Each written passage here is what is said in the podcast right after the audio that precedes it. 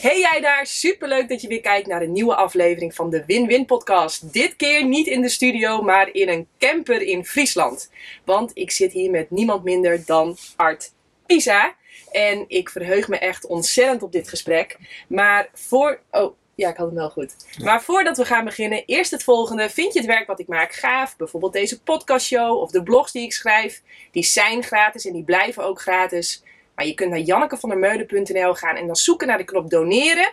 En zo een financiële bijdrage doen. Zodat je ja, dit werk steunt en dat we hiermee door kunnen gaan. Yes, dat gezegd hebbende, let's go. Welkom uh, Art. Ja, dankjewel in je camper. Ja, in mijn huis op wielen zoals ik dat noem. Dit is mijn huis. Wees welkom. Ja, heel gaaf. Ehm, ik ben bij een lezing van jou geweest. En ehm, ik vond het mindblowing. Ik vond het echt mindblowing. Ja? Je hebt daar ook een boek aangeraden.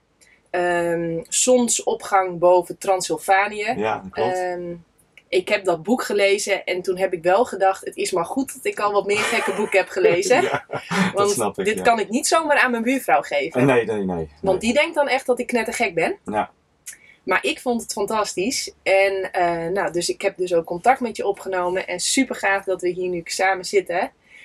Mm, voor de luisteraar, ik kan me voorstellen, waar hebben ze het over? ja, maar jij bent helemaal in de geschiedenis van de mensheid gedoken. Ja, En ehm, ja, ik heb door jou zo'n andere kijk überhaupt op gebouwen, hm, op, op alles wat in de geschiedenisboeken staat. Maar daarmee eigenlijk ook op de wereld. Ja. Want ze zeggen wel eens, er zijn drie dingen belangrijk. Kennis over jezelf, beheersing van jezelf, maar ook kennis over de wereld. Want als je geen kennis hebt van de wereld, ja, dan is het super moeilijk überhaupt om je daar, ehm, nou ja, eigenlijk in te kunnen ontspannen. Ja. Dus daar wil ik het graag met jou over hebben. ja, heel graag. Maar laten we gewoon bij het begin beginnen. Want Ja. ja. volgens mij zijn wij beide in de corporate wereld. eh, jij bij Rabobank, Ja, het in goed heb. bankwezen. Ja, meer dan Ja. 20 jaar. Ja, Ja, nou daartegenover zat de SNS-bank. ja dat heb jij gewerkt, hè? Ja. ja ik weet het. Ja. Dus ehm, nou, daar is ons pad misschien onbewust, eh, heeft elkaar al een keer gekruist. Maar neem ons mee vanaf het begin. Je bent lekker in het bankwezen eh, aan het werk. ja, en op enig moment dacht ik van, hé, hey, volgens mij moet er meer zijn in het leven dan alleen het materialisme, het fysieke. En ik voelde wel dat ik iets anders nodig had. En het werd ook wat gepusht door mijn eh, directeur van destijds. Die zei van, het wordt tijd dat je gaat studeren. En die wilde me dan naar de MBA hebben, de Master of Business Administration. Want elk managementteamlid ja, ging naar MBA. En ik wilde dat niet. En nou, om lang verhaal kort te maken, ik ben uitgekomen bij een ene Roy Martina. En hij accordeerde die opleiding. Nou, dat had ik helemaal niet verwacht, dus ik was helemaal in de nopjes. En ik heb me nou ja, laten opleiden door Roy Martina twee jaar lang tot personal coach. En toen ging er een wereld voor mij open. Want toen kwam ik erachter dat er naast de fysieke wereld, het materialisme, dat er veel meer is. Dat er ook een emotionele kant van het leven is. Een mentale kant, maar ook een spirituele kant. En ik had helemaal geen kaas gegeten van de spirituele kant. En nou ja, na die twee jaar ervaring dacht ik, wauw, weet je, de wereld is anders dan ik heb geleerd, hoe ik ben opgevoed. Toen ben ik me daarin gaan verdiepen. Ja, en dan komt van het een komt het ander. Je krijgt een aantal ervaringen. Je gaat meer reizen. Ehm, ik ben in contact gekomen met Semir Osmanagic. En dat is de ontdekker van de Bosnische piramides. Nou ja, en ik kan me iets meer voorstellen dat ik nu de Bosnische piramides noem. Dat heel veel mensen denken, ja, maar piramides staan toch alleen maar in Egypte en in Mexico. Nou, daar begint eigenlijk het verhaal dat ik was zo getriggerd door dat verhaal van die Bosnische piramides, dat ik uiteindelijk, het heeft nog twee jaar geduurd, en ben in 2017 voor het eerst afgereisd met mijn partner, mijn levensmaatje Ellen en mijn jongste zoon. Ik heb vier kinderen, maar mijn jongste zoon die wilde wel mee. De rest dacht van nou, eh, maar Bosnië is toch helemaal geen vakantieland. en wat ik daar heb gezien en ervaren, heeft mijn wereld op zijn kop gezet. En zo is het begonnen. Maar als je het hebt over de geschiedenis, moeten we het eigenlijk twee dingen eens even uitleggen.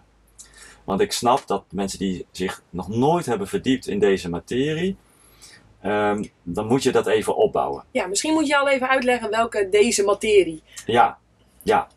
Kijk, deze materie, kijk, we hebben natuurlijk heel veel geleerd op school tijdens onze geschiedenislessen. En er zijn twee belangrijke dingen die ik naar voren wil halen, die iedereen heeft geleerd. als eerste heeft iedereen geleerd over de evolutietheorie van Darwin. Dus waar komt de mensheid vandaan?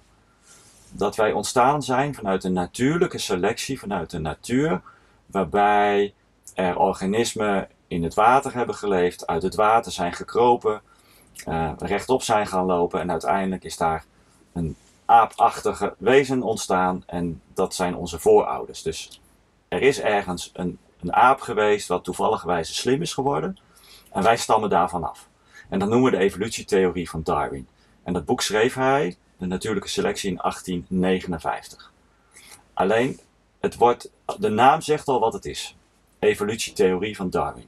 En het is een theorie, want de theorie is nooit bewezen, bevestigd, door wat we hebben gevonden aan botten, skeletten, schedels eh, op aarde.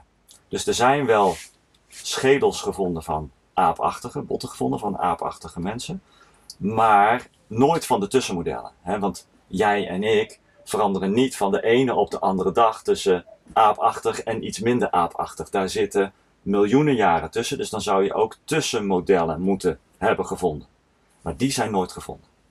Dus wetens, heel veel wetenschappers zeggen, en dat zijn er tienduizenden hoor, dat zijn er echt veel meer dan je denkt, die hebben zich ook verenigd met elkaar en die zeggen, het is een theorie, maar wij hebben nog wel een andere theorie.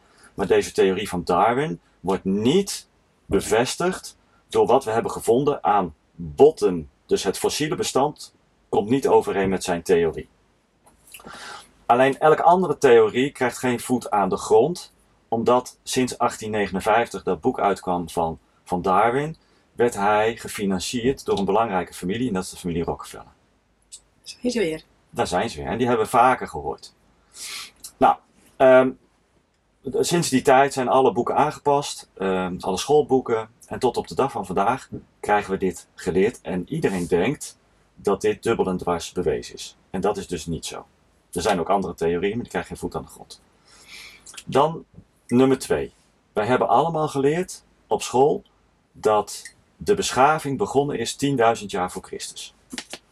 Omdat, zoals gezegd, er nog nooit iets is gevonden op aarde dat ouder is dan 12.000 jaar oud. Dus het jaartal 10.000 voor Christus. Het eerste wat is gevonden in Nederland, dat zijn bewerkte vuurstenen in het plaatsje Koewacht.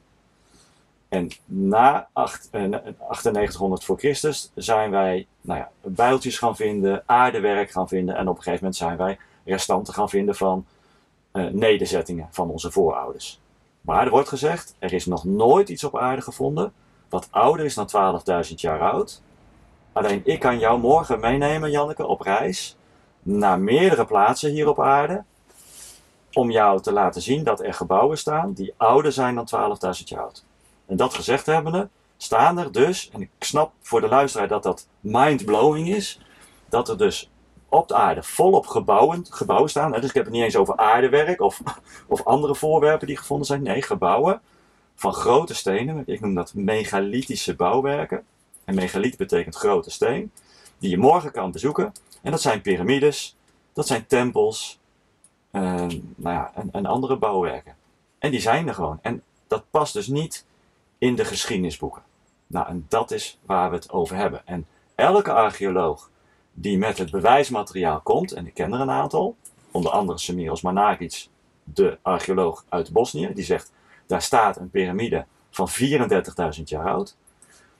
De reguliere archeologie die zegt, dat kan niet, want zij houden vast aan het jaartal van 10.000 voor Christus, wat we al zo lang hanteren. En niemand wijkt daarvan af en wil ook niet naar het bewijsmateriaal kijken. Het lijkt alsof we deze lijn, dit verhaal, moeten handhaven ten koste van alles. En ik zeg maar zo, niets is wat het lijkt, wat het is.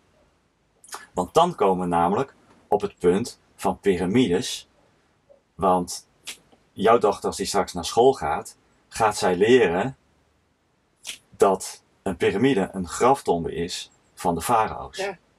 Even een anekdote. Ja. Maar uh, wij waren laatst uh, in Spanje voor een trainingskamp. En toen ontmoetten we daar andere mensen in een camper. En die hadden hun kinderen uit het schoolsysteem gehaald. En toen was die moeder was super trots aan het vertellen dat ze nu haar Nederlandse kinderen in het Engels aan het leren was over de piramides. Okay. En ik was net bij jouw lezing geweest. Dus ik dacht, oh jee, weet je, dan haal je ze uit het schoolsysteem. Dan ga je het helemaal goed proberen te doen. En dan, ja, ik twijfel nu heel ernstig aan dat verhaal.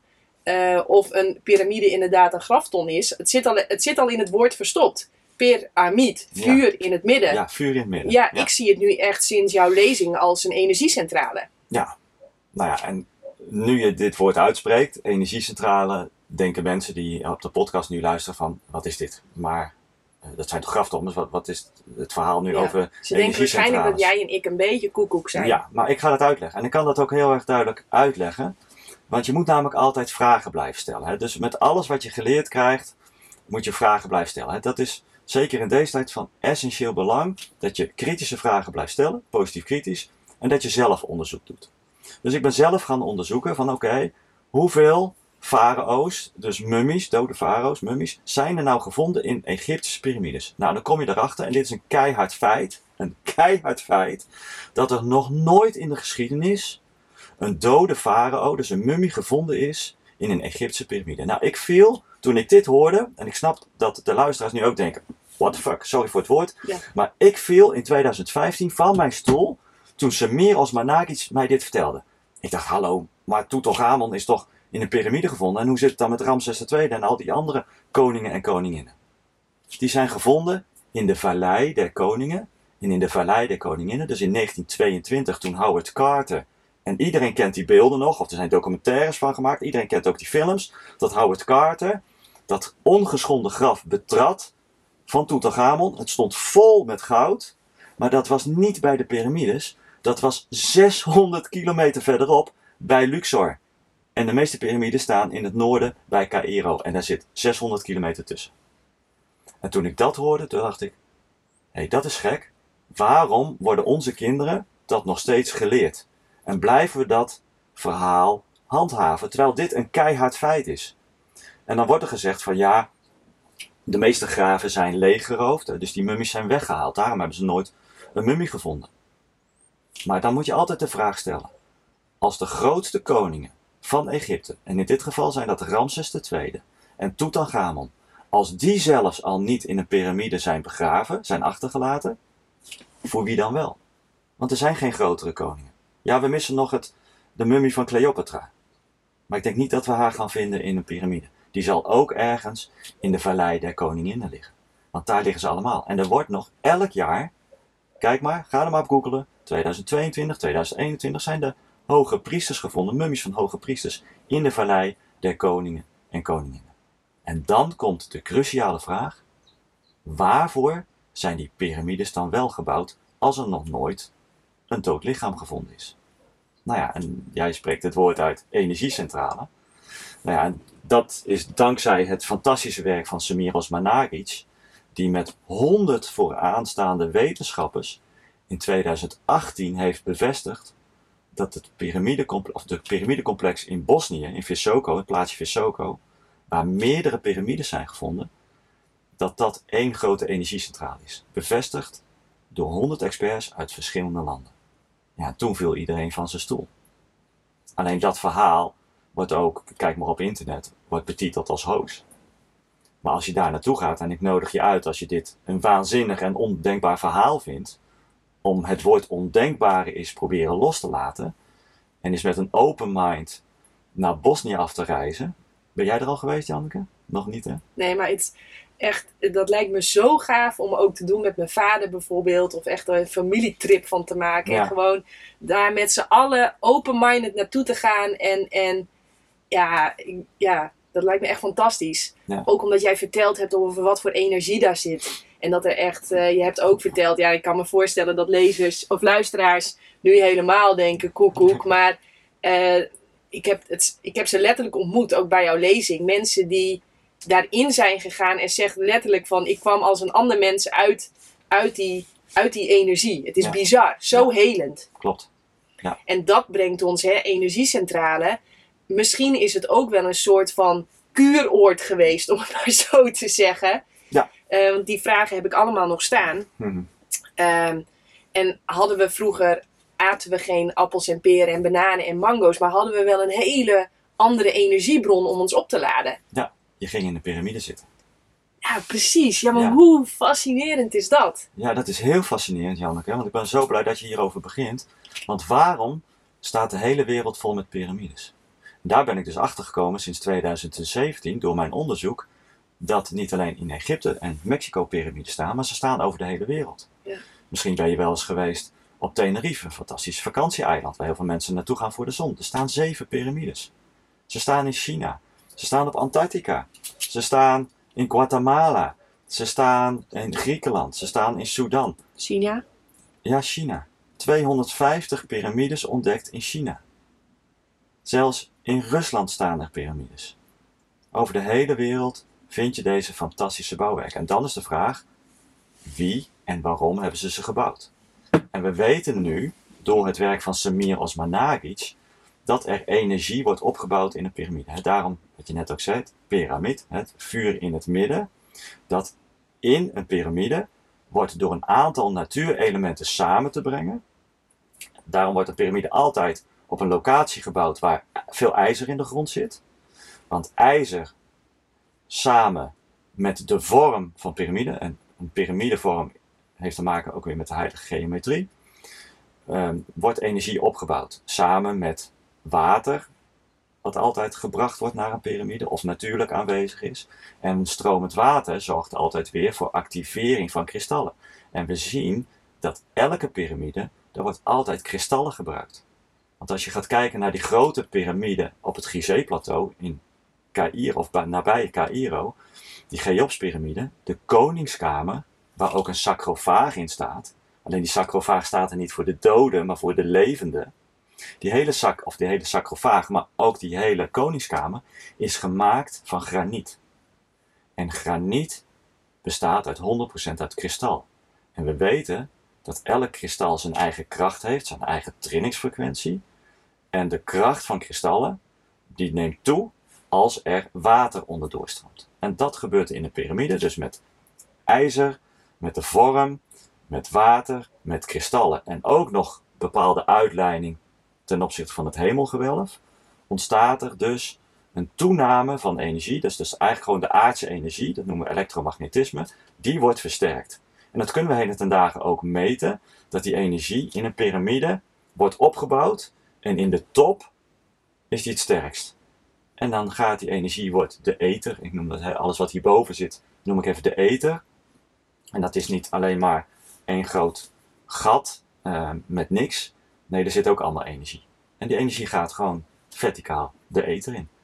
En nou, die opnames, die, die onderzoeken vinden wereldwijd plaats. En we zien bij elke piramide dat de energie wordt opgebouwd.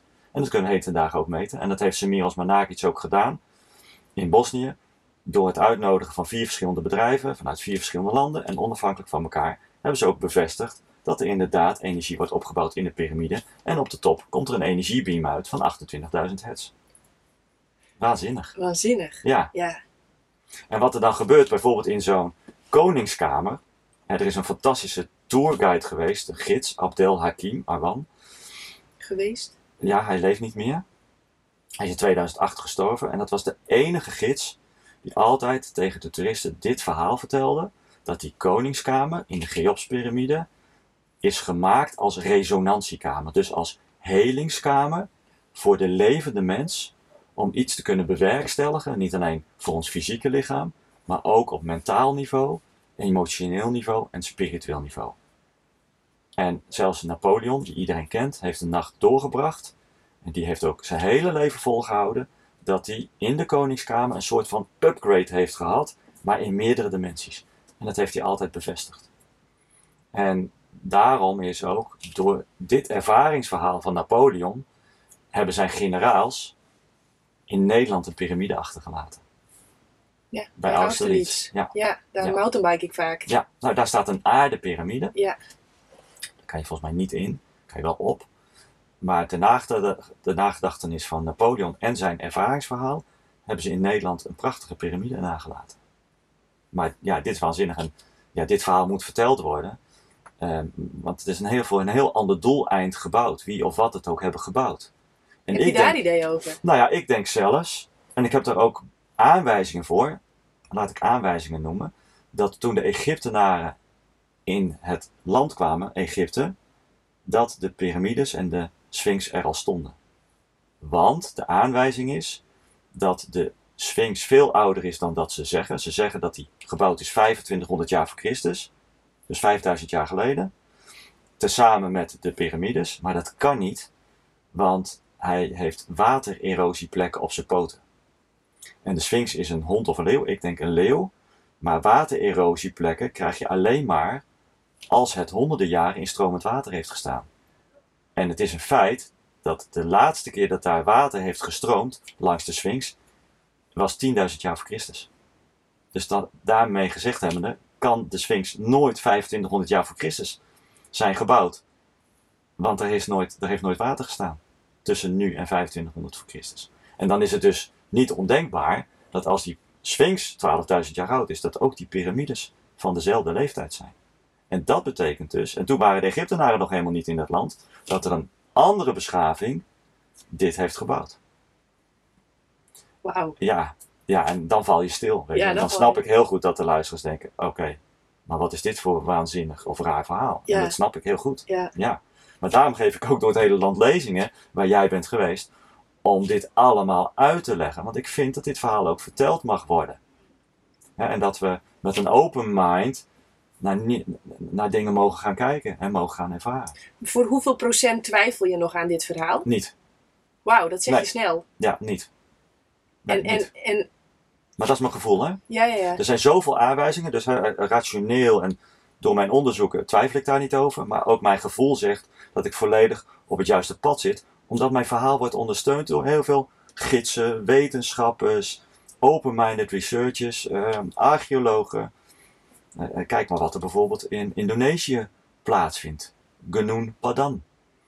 Ehm, er is een hele mooie Netflix-serie van Graham Hancock en die heet Ancient Apocalypse. En Graham Hancock, Graham Hancock is eigenlijk wereldwijd gezien ja, een hele bekende alternatieve archeoloog. Die verder kijkt dan de reguliere archeologie. En die heeft dus heel veel aanwijzingen, net zoals ik heb.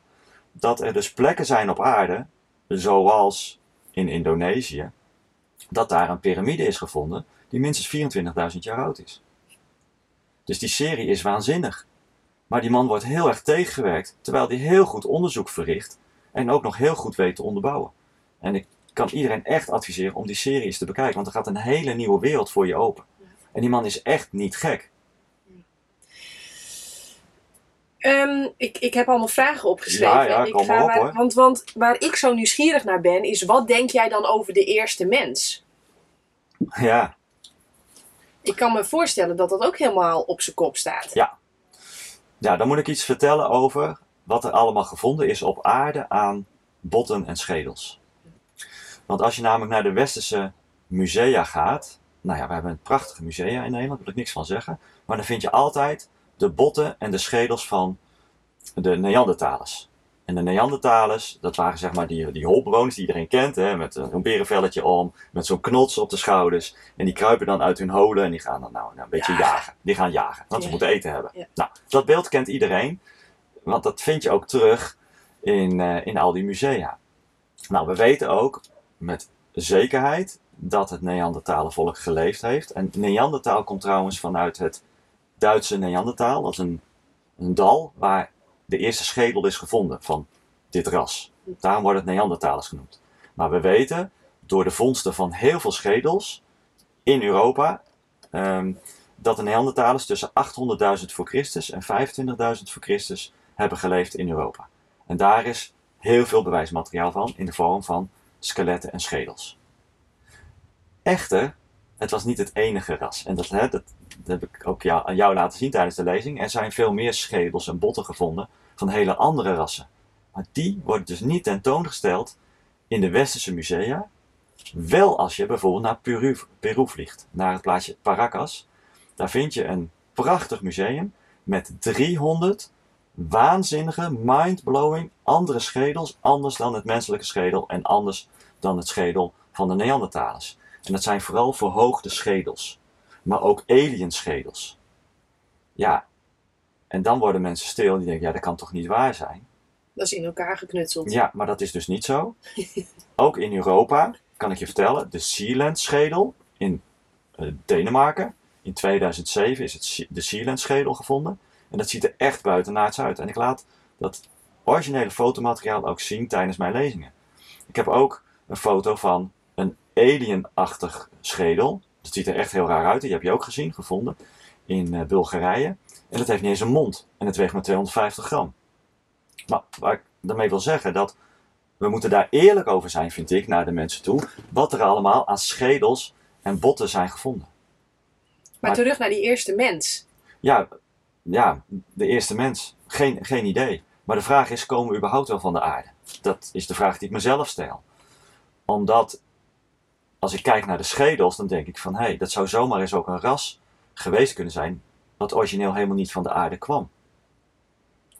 En als je ook nog eens kijkt naar hoe wij er nu uitzien aan de binnenkant, dat wij junk DNA, wetenschappers zeggen dat wij junk DNA bezitten. Dus moet je je voorstellen, lieve mensen, dat we dus DNA hebben, wat er zit voor Jan Boterletter. Dat willen ze ons wijswaten, dus wijsmaken.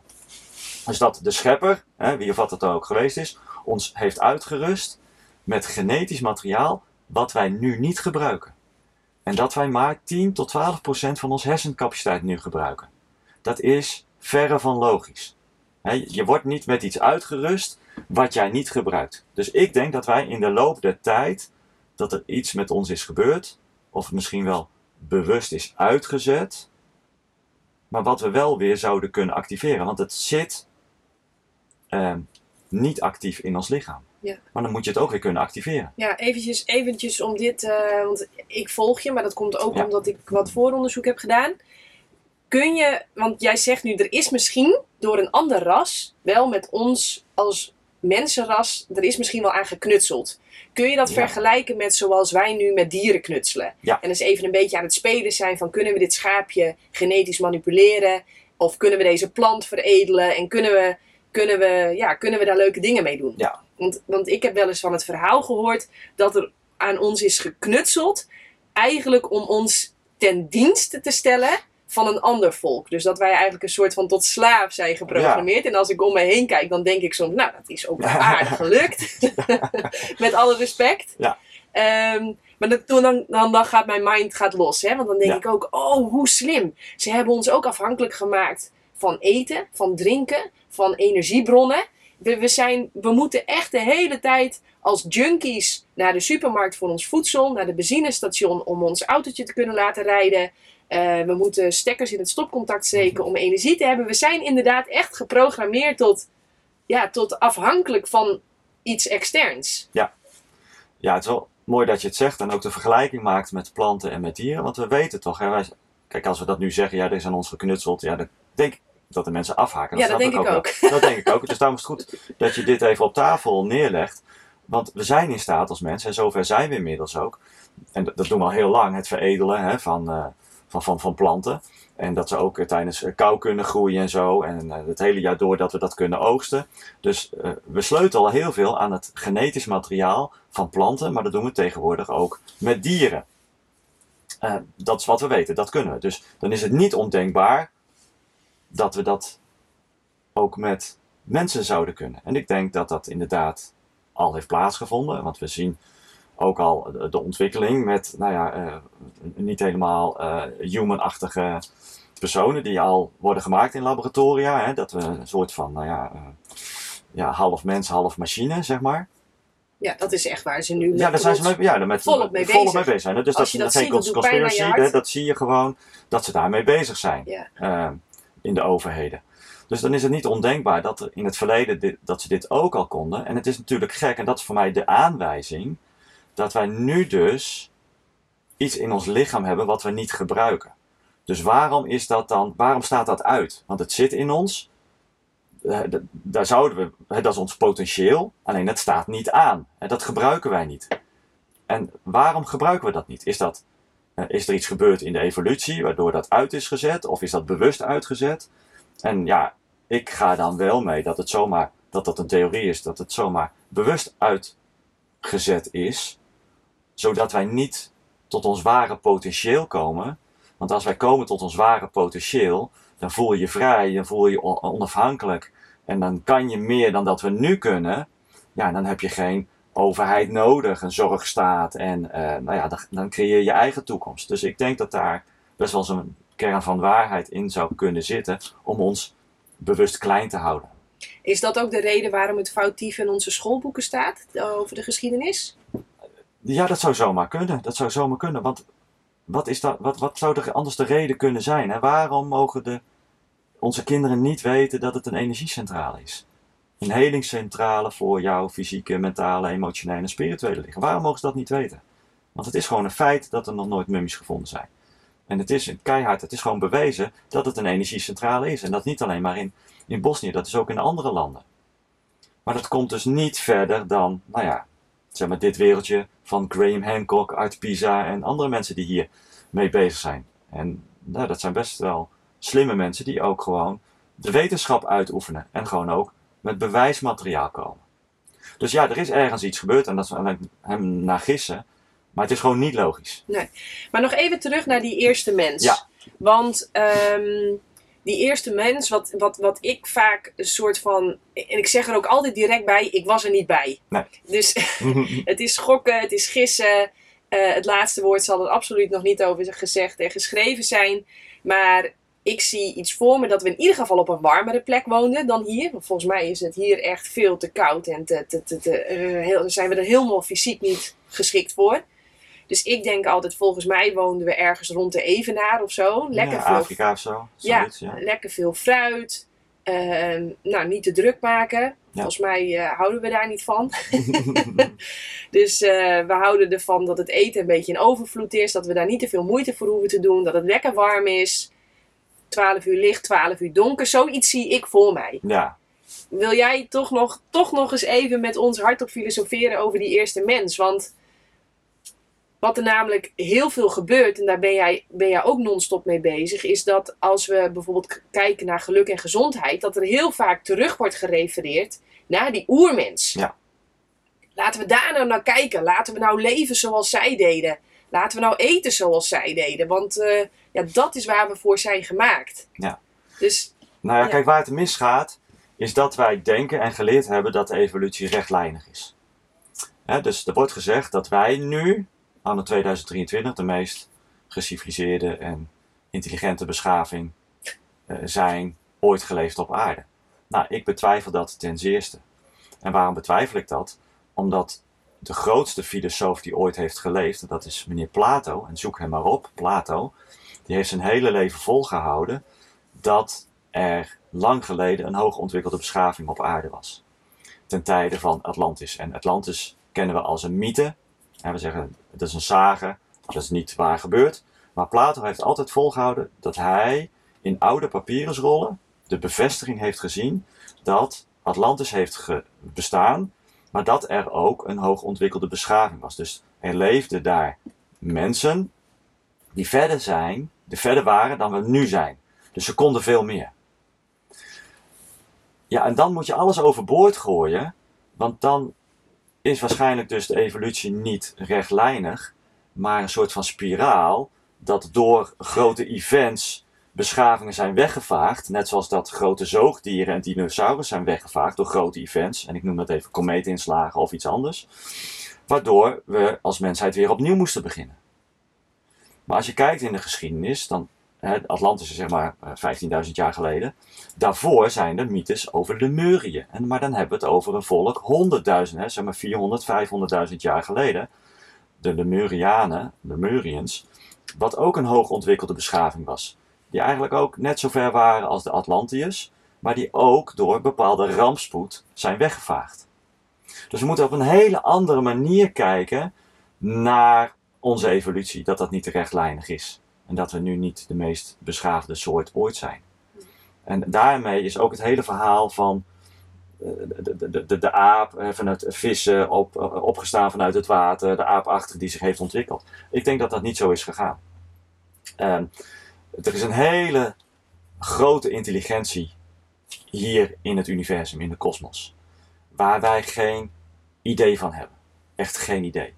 Maar als je logisch nadenkt, dan kan je wel een glimp van de intelligentie van de natuur en van al wat is. Hè, ik noem het maar al wat is, iets wat groter is dan wij zijn, iets heel groots, zo intelligent waar we niet bij kunnen, maar waar we allemaal wel vandaan komen. Want heb je er wel eens bij stilgestaan? toen jij hier op aarde kwam en jouw hart voor de eerste keer aansloeg? Wat heeft dat veroorzaakt? Dus wij staan met iets in verbinding wat ervoor zorgt dat jouw hart voor de eerste keer de eerste slag maakt. Dus wij moeten ergens mee verbonden zijn. Iets wat veel groter is dan wij zijn. En ik denk dat dat, een, ik noem dat de bron.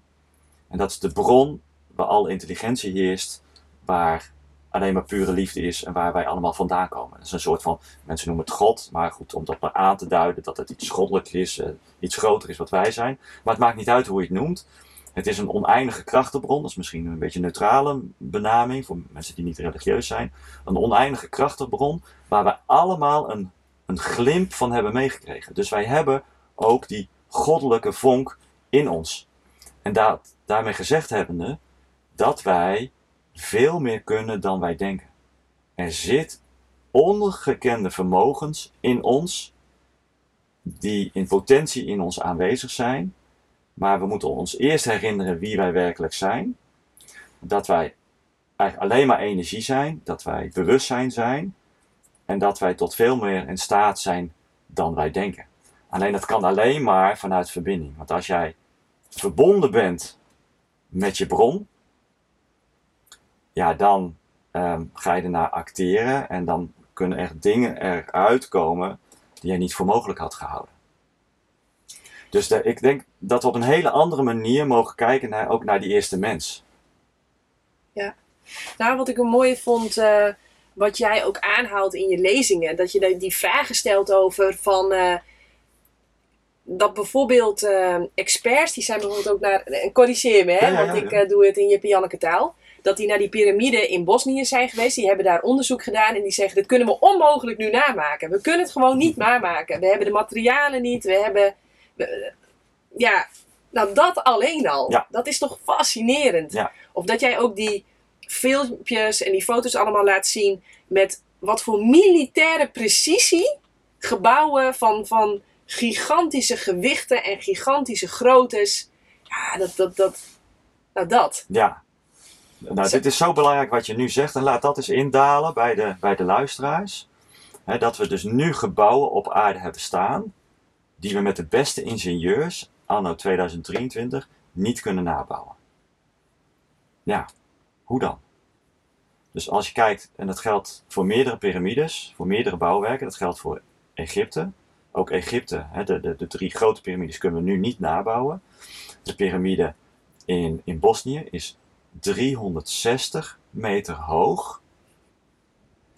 En hij is beplakt met een tweelaagse betonnen dekstenen. Dus die piramide is een aardepiramide, net zoals de piramide in Austerlitz. Alleen deze piramide in Bosnië hebben ze nog eens beplakt op vier zijden, 360 meter hoog, vier zijden, met een tweelaagse betonnen dekstenen. En beton betekent dat heeft iemand gemaakt. Maar niet 3000 jaar geleden, 34.000 jaar geleden. En dat bewijs is keihard, omdat ze in het beton, en beton betekent dat heeft iemand moeten maken, hè, dat moet je hakselen, hè, dat maakt de natuur niet zelf. Het is ook allemaal netjes in rechthoekige brokken zijn het allemaal afgesneden en neergelegd. In een hellingshoek van 44%. Ja, dat heeft iemand gemaakt. Alleen dat beton heeft een dusdanige hardheid, een kwaliteit in termen van hardheid en lage waterabsorptievermogen, dat kunnen we ook nu niet maken aan de 2023. Dus dit is onvoorstelbaar, en dat snap ik ook als ik dat nu zo zeg, dat het dus een betonsoort is van 34.000 jaar oud, met kwaliteiten die we heden ten dagen niet kunnen maken. Bizar. Ja. ja. Bizar. Maar het is er wel. Ja, en jij bent er naartoe gegaan. Twee keer zelfs. Ja. Nou, neem ons mee. Wat voel je daar? Wat zie je daar? Je kan daar onder de grond. Er is een tunnelsysteem van 40 kilometer. Je kan de grote piramide nog niet betreden, want ze hebben de ingang nog niet gevonden. Want het is pas ontdekt in 2005. En nou denk je van, hoe heb je een piramide van 360 meter dan ooit kunnen missen? Hij is groen. En als iets groens is, ja, dan gaat er iets in de mens, hè, dan wordt er iets uitgeschakeld. Want dat kan in jouw beleving geen piramide zijn. Want een piramide is altijd zandkleurig. Daar lopen kamelen voor. Hè, dat is ons plaatje. Zo zijn wij zeg maar, uh, nou ja, uh, opgegroeid, geprogrammeerd. En al het andere kan geen piramide zijn. Er bestaan geen groene piramides. Maar de natuur neemt op een gegeven moment alles over. En dat gebeurt al na 200 jaar. Nou, deze is 34.000 jaar oud. Dus moet je nagaan wat er allemaal aan aarde overheen is gegaan. Nou, en als je dat afgraaft, dan zie je, er komen dan die dekstenen komen tevoorschijn. Nou, en dat is wat iedereen mag bedenken, hè, dat de natuur dat op een gegeven moment overneemt in de loop der tijd. En dan moet je dus heel anders moet je daarnaar kijken. Dus in 2005 is het ontdekt, maar ze hebben de ingang nog niet gevonden. Is dat, Alleen- heeft dat ook massaal in de krant gestaan? 2005, we Nee, vinden ongekend nee. grote piramides in Europa. Nee, nee, dit wordt natuurlijk heel angstvallig stilgehouden. Want ik kan me voorstellen, want ik kan me nog herinneren dat we rond die tijd daar ook toch oorlog hebben gehad. Want Nee, maar dat is 30 jaar geleden. Dat is veel langer geleden. Oké, Ja, die oorlog is, was 30 jaar geleden. En iedereen associeert Bosnië altijd natuurlijk met die oorlog. Ja. Dat is natuurlijk een verschrikkelijke oorlog, Ja. maar dat is veel langer geleden. ja, oké. Ja. Maar de energie onder de grond. Ja. Ehm, het tunnelsysteem is ontstaan omdat ze grondstoffen nodig hadden om die betonnen dekstenen in twee lagen te maken op vier zijden van 360 meter hoog. Dan heb je heel veel grondstoffen nodig. Dat hebben ze allemaal uit de grond gehaald, waardoor er een tunnelsysteem is ontstaan. Een soort van labyrint van 40 kilometer. Nou, en in 2006 zijn ze daar voor het eerst ingegaan. En wat ze toen ervaren is dat er een hele bijzondere sfeer heerst in het tunnelsysteem. En dat is zo gebouwd. Dus ze hebben daar een ambiance gecreëerd die de mens heel, A, heel prettig vindt, want hij trilt op de Schumann-resonantie. En de Schumann-resonantie is de trillingsfrequentie van de aarde, ontdekt door meneer Schumann in 1952 en bevestigd door de NASA, nou ja, 20, 30 jaar later, dat inderdaad eh, de aarde een bepaalde trillingsfrequentie heeft. En wij als mens zijn zo verbonden met die trillingsfrequentie. Eh, en daar ga ik straks wel iets over uitleggen als het over energie gaat. Nou, en die hele sfeer in het tunnelsysteem heeft niet alleen te maken met die trillingsfrequentie, maar ook omdat er heel veel negatief geladen deeltjes aanwezig zijn in het tunnelsysteem. En dat is eigenlijk de negatief geladen deeltjes van Moeder Aarde, want Moeder Aarde is vooral negatief geladen. En dat, kan je vooral ervaren naar een onweersbui, als je in een bos loopt, of aan, eh, aan de branding eh, op strand gaat lopen. Dat vinden we altijd heel erg prettig. En dat komt door die negatief geladen deeltjes. Daarom vinden we het zo fijn om aan het strand te zijn of in het bos te lopen. Want dat laat op. Want dat laat namelijk, nou ja, dat is onze originele staat, omdat jij en ik ook vooral negatief geladen zijn. En wij hebben Moeder Aarde zo nodig om die positief geladen deeltjes, die wij krijgen door de apparatuur waar we nu in zitten, om die weer te kunnen afstaan aan de aarde. En de aarde geeft ons daarvoor in de plaats weer de negatief geladen deeltjes. En wij gedijen zo goed op negatief, geladen deeltjes. Nou, dat hele tunnelsysteem zit dus vol 20 tot 30 keer hoger dan buiten het niveau van negatief geladen deeltjes. En daarom vind je het zo fijn en is het ook zo opladend om in een tunnelsysteem te zijn. En Ook verslavend op een bepaalde ook manier. verslavend, Ik kan me want je voorstellen. wil er niet meer uit. Nee, Nee, je Ik voelt je zo thuis. ja. En ik kan me ook voorstellen dat je gewoon de hele tijd denkt. Je hoeft maar één keer slecht geslapen te hebben of zo. Dat je denkt, oh, kon ik maar even in die tunnel stappen. Ja, ja.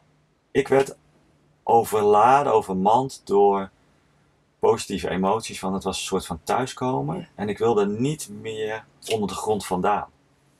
Zo fijn was het. Maar moet je je voorstellen dat dus een volk 34.000 jaar geleden dit zo bewust heeft gecreëerd om iets te kunnen bewerkstelligen voor de mens. En ze noemen het heden ten dagen de tunnels, de helingstunnels. Dus het zijn eigenlijk helingskamers. Want er liggen ook in dat tunnelsysteem liggen er hele grote keramische stenen, die er ook door dat volk is gemaakt 34.000 jaar geleden, om die hele sfeer daar ook, zeg maar, op die trillingsfrequentie te, te kunnen handhaven, op die 7,83 hertz. Het is waanzinnig. Ja. En dat zijn geen kleine stenen, dat zijn geen dit soort stenen, dat zijn stenen tot wel 8 ton, dus 8000 kilogram. En hoe lang zijn die stenen ongeveer? Nou ja, sommige zijn 2 meter, sommige zijn 3 meter, sommige zijn anderhalve meter. Ja. En die liggen daar specifiek op plaatsen waar water onderdoor stroomt, zodat die kristallen die erin zitten, calciet, kwarts en muscoviet, die gaan dan nou ja, meer trillen. Ja. En die trillen dan gezamenlijk op de frequentie van 7,83 hertz. Ja. Ja, waanzinnig. waanzinnig. hey, want dan ga ik toch weer eventjes terug naar die eerste mens. Ja. Ik heb jou ook wel eens horen zeggen dat jij het niet uitsluit dat er ook een ras is geweest. Hè? Ze noemen mij wel eens een reus. Mhm. Maar dat ik vergeleken bij die mensen echt een, een pinkje ben. Echt, echt, echt een inimini. ja. Zijn daarom misschien die stenen daar ook zo groot? Ja, dat Wil je zou- daar nog iets over zeggen? Of zeg Ja, van, kijk, dan, wordt het- dan denken ze echt dat ik een wappie nee, ben? Nee, kijk, als je het over reuzen hebt, dan haken sowieso mensen af. Ja, Ik hoop dat mensen nu blijven luisteren en met een open mind nu gaan luisteren. Want als je gaat kijken, kijk gewoon even in de geschiedenis wat wij hebben aan grote zoogdieren en grote vogels. En we weten één ding zeker, die dinosaurussen hebben geleefd, want er zijn heel veel botten van gevonden. Maar er zijn ook hele grote vogels hebben hier geleefd, echt reusachtige vogels. Is het dan ondenkbaar dat als er van die grote dieren hebben geleefd, dat de bomen destijds ook groter waren? Dat is toch logisch? Als je grote dieren hebt, dan zou je toch ook grotere bomen en struiken moeten hebben gehad. En er zijn aanwijzingen voor op aarde. Kijk maar bijvoorbeeld naar de Devil's Tower in Wyoming. En dat is in Amerika. Dan zie je wat ze noemen een, een rotsblok. Maar als je daar kritisch naar gaat kijken en de vraag gaat stellen: is de aarde in staat met het uitspuwen van lava om zo'n rotsblok achter te laten? Want hij ziet er namelijk heel erg uit als een onderkant van een nou ja, gekapte boom. Zo ziet hij eruit. En dat doet de natuur niet. De natuur maakt zo'n rotsblok, zeg maar de onderkant van een boom, dat, dat, dat maakt de natuur niet vanuit eh nou, gestold gesteente, zeg maar lava wat gestold is. En dan ontstaat er niet zeg maar, zo'n onderkant van een boom, wat echt op een onderkant van de boom lijkt. En ik heb recentelijk, recentelijk een boek gelezen over de reuzenbomen uit de oertijd, uit de oude tijd. En je hebt dus over de hele aarde dit soort stompjes van wat ooit bomen zijn geweest. Maar dat zijn, nou ja, als je die weer gaat tekenen, zijn dat reuzenbomen geweest. Dus er zijn heel veel aanwijzingen waar ik mee wil zeggen. Lees het boek is van Hans Scheffers. De reuzenbomen uit de oude tijd. Er zijn gewoon heel veel aanwijzingen dat er inderdaad versteende onderkanten van bomen nog op aarde te vinden zijn. Onder andere de Devil's Tower in Wyoming. Is het dan ondenkbaar dat er misschien ook reuzenrassen hebben geleefd op aarde? Nou, daar kunnen we heel erg duidelijk over zijn. Er is voldoende bewijsmateriaal dat er reuzenrassen hebben geleefd. En we denken altijd, het, als we het over reuzen hebben, dat, dat, dat je daarvoor moet zijn in de Efteling. Maar dat is niet zo. Want alle volkeren over de hele wereld, alle religies, hebben altijd gesproken over reuzen. In elk boek, ook in de Bijbel, maar bij de Vikingen, in Israël, zelfs in België, in het Baskeland. Elk volk kent zijn mythes, zelfs Nederland, Ellet en Brammet in Drenthe, kent zijn sages over reuzen. En dat zijn niet zomaar verzonnen verhalen, nee, er is voldoende bewijsmateriaal gevonden van reuzenskeletten. En mijn favoriet is Sardinië. En het Sardijnse volk weet één ding heel erg zeker: dat in vroegere tijden het hoofd van het volk altijd iemand was van het reuzenras. Want je vindt gewoon nog 27 reuzengraven op Sardinië. De torens die je daar ziet, dat nu noemen ze ook de torens van de reuzen. En er is voldoende skeletten, kiezen, schedels gevonden van reuzen. Alleen er is heel veel in de loop der tijd is er geconfiskeerd en vernietigd. En dat zien we nu ook weer in deze tijd. Of kijk maar naar dat, dat land Amerika, is een heel raar land. Maar daar vindt nu ook weer een soort van beeldenstorming plaats. Dat gewoon de beelden van de sokkels worden gehaald, omdat de geschiedenis wordt gewoon uitgewist. En we hebben ook bevestiging van het Hoge Rechtshof dat het Smithsonian Instituut in Amerika op de vinger is getikt dat zij rond het jaar 1900 duizenden reuzenskeletten hebben vernietigd. Gewoon te vinden op internet dat het Hoge Rechtshof heeft een uitspraak gedaan dat ze dat weer openbaar moesten maken dat ze dat hebben gedaan. Dus er is bewijs genoeg. En in mijn lezing laat ik veel meer bewijsmateriaal zien, Ja. zoals je weet. Ja, ja, Maar het is een moeilijk onderwerp. ja dat Ja, snap het is ik. echt een heel moeilijk onderwerp. En je kan je het nog niet indenken dat eh, in, in, in, in, een langere tijd geleden er hier wezens hebben, geloofd van, gelopen, hebben gelopen van 4 tot 8 meter. Je kan het je niet voorstellen. Nee, ik kan het lastig voorstellen. Ik ook niet. Maar ik heb het bewijsmateriaal gezien. Ja, Dus ik kan me nu wel voorstellen. ja, En ik heb echt origineel materiaal. Er zijn heel veel reuzen gevonden, bijvoorbeeld in Roemenië. Zo'n gebied waar heel veel reuzen Ja. zijn gevonden. Ja, die mensen zijn nog steeds reusachtig. Probeer ze maar eens voorbij te roeien. Altijd lastig. oh ja, het zijn nog steeds. Ja, Ja, ja. Daar heb jij dan mee te maken in Ja. jouw, eh, in jouw Ja. sport. Ja. hey, en ehm, dan wil ik eventjes terug, hè? Want stel je klapt het nu echt met je oren. Je hoort dit, Ja. je denkt echt, wat de F. Ja. Ehm, waarom denk je dat het zo belangrijk is om dit te weten? Dat, is dat je antwoord van omdat dat daar indirect in verstopt zit dat wij echt heel veel meer zijn dan maar gewoon een mens en heel veel meer potentieel hebben? ja, dat heeft te maken dat alles energie is. Kijk, als wij nu naar elkaar kijken en we kunnen elkaar aanraken en dan vertroebelen eigenlijk mijn zintuigen, vertroebelen eigenlijk wie wij werkelijk zijn. Want op het kleinste niveau ben jij energie. Je bent geen mens van vlees en bloed, je bent alleen maar energie. Want op het kleinste niveau zijn we alleen maar energie. En energie is trilling, trilling is frequentie en frequentie is bewustzijn. Dus wij zijn eigenlijk alleen maar bewustzijn.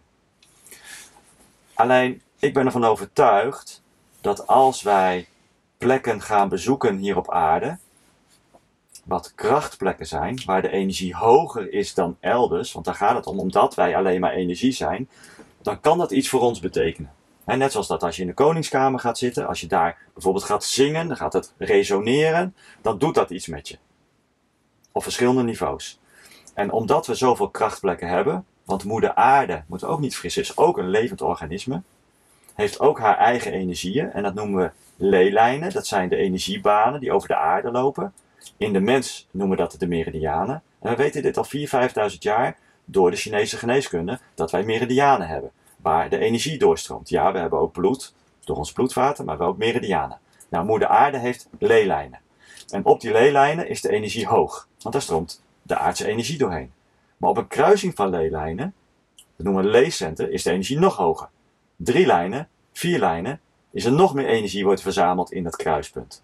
Nou, en wat je ziet over de hele wereld, is dat niet alleen heel veel kerken, oude kastelen, tempels, piramides, heel veel megalithische bouwwerken, zo niet allemaal, zijn op kruispunten van leelijnen gebouwd. Omdat ze altijd die energie gebruiken voor een bepaald doeleind. En ik laat even in het midden of dat ten positieve of ten negatieve is, maar ze gebruiken die energie om iets te kunnen bewerkstelligen of te kunnen beïnvloeden. Dus jij denkt ook dat het misschien, hè, dat die blue zones, dat ze daar misschien wel helemaal niet gezonder eten of wat dan ook. Maar dat er wat ze eten, dat daar veel meer energie in zit, Ja. toch? het gaat altijd om de energie. Ja, En natuurlijk gaat het altijd om gezonde leefstijl. En Dan Buettner samen met National Geographic hadden wel gelijk. Hè, dat op basis van die negen kenmerken hebben ze die vijf blue zones hebben ze op aarde vastgesteld. Maar ik denk dat ze een belangrijk component zijn vergeten. En dat is de energie van moeder aarde. En je kan dat zelf heel makkelijk ervaren door een keer naar Sardinië te gaan. Want dan ruik je gewoon de planten, de natuur, ruik je veel sterker, is veel nadrukkelijker aanwezig dan hier. En dat komt omdat de energie van het eiland vele malen hoger is. Omdat op dat eiland vijf grote leelijnen ten samenkomen. Sorry, advocaat Nee, van de duivel. Ja, maar wat bij mij dan direct oppopt is, maar die aarde is toch de hele tijd in beweging? Klopt. Ja. Dus die lijnen die verplaatsen toch de hele ja, tijd? maar dat gaat een miljoenen jaren. Oh, oké. Dus de, de continenten die verschuiven, maar Ja. dat, dat, dat doet de aarde miljoenen jaren over. Oh. Dus hè, die, cent, die leescenter die nu op eh Sardinië ligt, die is misschien een meter ligt er- opgeschoven. ja, die is misschien een meter opgeschoven of zo. Ja. Alleen miljoenen jaren geleden lag die waarschijnlijk in zee en niet op het eiland Sardinië. Misschien bestond Sardinië helemaal niet miljoen jaar geleden, maar was het aangesloten op het vasteland. Ja, Maar goed, dan hebben we het over miljoenen jaar geleden, maar het is wel zo dat dat wel langzaam verschuift. ja. Niet omdat de leelijnen verschuiven, maar de aarde, de continenten eronder verschuiven heel langzaam in miljoenen jaren. Ja. Maar de intensiteit van die leelijnen verandert wel. En dat is wat we nu zien op aarde, is dat het licht, ik noem het even licht, want dat kan iedereen makkelijk voor zijn ogen halen, het licht van de zon, dat neemt toe. Maar het is niet alleen maar het licht van de zon wat toeneemt, het is ook de kosmische energieën waar wij aan blootgesteld worden. En dat kunnen fotonengordels zijn, maar dat kunnen ook planeten en andere sterrenstelsels zijn die wij passeren op onze reis. Want wij weten, tenminste dat is mijn waarheid, dat wij op reis zijn in het heelal, in ons zonnestelsel. En op reis kom je andere stelsels en energieën tegen van andere planeten. Is dat ook de reden waarom jij denkt dat ons klimaat eh, zogenaamd ja. eh, wel of niet verandert? Ja, nee, ons klimaat verandert, absoluut. Maar dat komt niet door de milieuverontreiniging. Dat moeten we wel oplossen, maar die twee dingen hebben niks met elkaar te maken. Dus de klimaatverandering komt doordat er nu meer licht op aarde wordt afgevuurd. Hè, dus van de zon, de zonnevlammen, maar ook andere energieën. En daarnaast hebben we natuurlijk door de industriële revolutie hebben we te maken met de vervuiling van water, vervuiling van de aarde, vervuiling van de lucht en vervuiling van de ether. En dat moeten we schoonmaken. Dat zijn we verplicht aan onze kinderen en de toekomstige generatie. Maar dat heeft niks te maken met klimaatverandering. Dat is inherent aan de cycli van de aarde. Dat, dit gaat al 4,5 miljard jaar zo. Dus jij denkt niet dat uh, de mens met zijn of haar gedrag invloed heeft op het klimaat? Nee. Wel op de gezondheid van de natuur en van de mens. Ja. En dat doen we heel veel geweld aan. Hè. Dus de natuur, de moeder aarde, wordt ook zwakker door ons gedrag. Wij worden zwakker. Hè. Kijk maar naar de gezondheid van de mensheid. Het heeft er nog nooit zo slecht voorgestaan. Kijk maar in Nederland. We hebben nu 10 miljoen chronisch zieke mensen. Nog nooit gebeurd. En wij, wij leven hier met 17,5 miljoen. Dus 60% van de Nederlandse bevolking is chronisch ziek. Wat doen we dan verkeerd? En die chronische ziekten zijn voor 95% te koppelen aan onze leefstijl en de vervuiling van ons milieu. Want zo is het wel. Ja. Ja. ja. Um, ik was bij jouw lezing. Ik vond het fascinerend. En ik kan me zo indenken, deze man die heeft duizenden artikels, uh, artikelen gelezen. Misschien een keer zoveel boeken. Do ik ken een beetje mezelf. dus dan kan ik... En toch raadde jij aan het eind van, het, van een lezing raadde jij één boek aan. Ja. Dat was uh, Transylvanian Sunrise in het Nederlands Zonsopgang bij Transylvanië. Ja. Nou, en ik denk dan direct van die duizenden boeken die deze beste man kan kiezen. Als hij dit boekje uitkiest, ja. dan moet dat denk ik wel een speciaal boekje zijn. Want je had daar tien boeken kunnen zeggen Klopt. en toch zeg je dat boek. Dus ik heb, uh, voordat ik in de auto naar huis ging, dat boek al besteld. De volgende dag had ik het in huis. Ik heb het in één ruk uitgelezen. Um, Kun je mij vertellen waarom dit, waarom dit zo'n speciaal boek voor jou is? En terwijl, want ik kan me voorstellen dat als je dat leest en, en je, ja, je hebt je hier nog geen seconde in verdiept, dat je echt denkt, nou sorry hoor, maar die Art Pisa die is zo koekoek als, ik maar, als het maar zijn kan. Ja, dat snap ik. Nou, ik zeg altijd tegen de mensen, als je dit boek gaat lezen, voel dan wat het met je doet en of het voor jou fictie is of waarheid. En het is jouw waarheid. En ik zeg niet dat dit waar gebeurd is, maar voor mij voelt het wel zo. Voor mij is het absoluut geen fictie. En het is het meest bizarre onderwerp wat ik tot nu toe ben tegengekomen tijdens mijn onderzoek. En ik denk, na het lezen van het eerste boek kan je dat denk ik wel beamen. Dit is echt, kijk wat ik tot nu toe heb verteld is denk ik al voor heel veel mensen mindblowing en bijna ondenkbaar. En dit gaat nog in het kwadraat zou ik zeggen. Ja, ja. Zo heb ik het ook ervaren. Toch? Heb ik ja. het ervaren. Hè? Ja.